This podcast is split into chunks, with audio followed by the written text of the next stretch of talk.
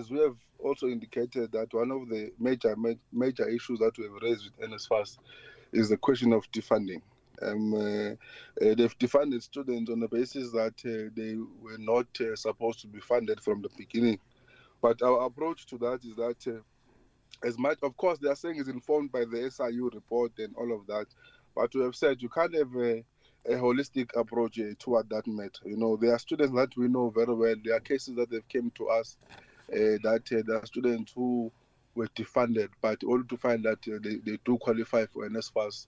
There are students who are who grew, who grew up under orphanage, who have never met their parents. But in terms of the process of NSFAS, where they are able to link IDs, they can be able to check that and see that actually the parents of that student are still alive, but the, the student have never met them, you know, and they have, they've asked them to submit supporting document from social workers to say, I don't I don't have parents, hence I live under the guidance of social workers. So and and, and once they've done so, what fe- what feedback do they get then from NSFAS once they've done so? We we, we, we, we, we had a meeting with NSFAS yesterday around those matters. One of the things that uh, they've committed, and they've also issued a statement, I think an hour ago or two hours ago, they've committed that uh, they will re-evaluate uh, that process because uh, you know when you defund holistically you defund even people who are not supposed to be defunded so we've said to them uh, they're going to do some kind of investigation to check whether uh, case by case whether you were defunded correctly or not because we don't want to say we're not saying everyone must must be brought back to the system of course those ones who are illegally funded uh, they must also check in those things. But those ones who are supposed to be funded, they cannot be compromised. So we, we have said to them at least uh, when we open school, you know, both are opening on the 18th of of this month.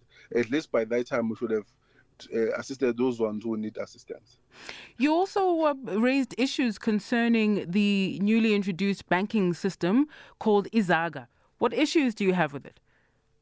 Uh, I think I think one my sister must uh, clarify that uh, you know uh, from the inception of the introduction of a direct payment, the student movement was fully in support of that because there were cases that uh, NSFAS could not account for. For instance, you remember the case of a student, I think it was in the village of Forte, where was she got 14 million by mistake and stuff like that. And NSFAS yes. at that time could not be able to be in the forefront and account to that because that system was the system that was used by the institutions in, the, in that institution. So taking taking over the, the direct payment to NSFAS, in our view, it has to do with uh, accountability, that number one.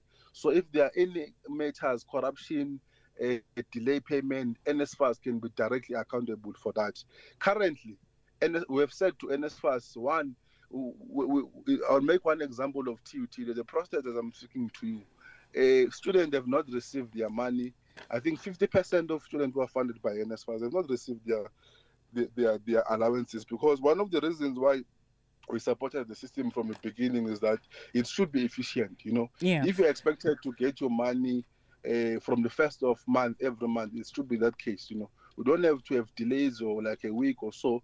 But what we have experienced is that there are some delays, and we have asked NSFAS to say, NSFAS, can you deploy these people who are responsible for direct payment because the system is an online system. You go on, on online, you on board, as they say, you do everything online and there is no one on the ground in the campuses yep. who's there to actually assist the students whenever they've got challenges in their system. You've given us a sense, uh, um, uh, that uh, you are engaging with, with those bodies. Give me a sense of what then the the the, pro, the protest action looks like. I think often the the perception that uh, that, that, South Africans would have of TUT is that uh, you you perhaps only start with with the protesting before the engagement. It doesn't sound like that is the case here. Now that you're engaging, will you then continue with the planned protest and uh, interrupting academic activity?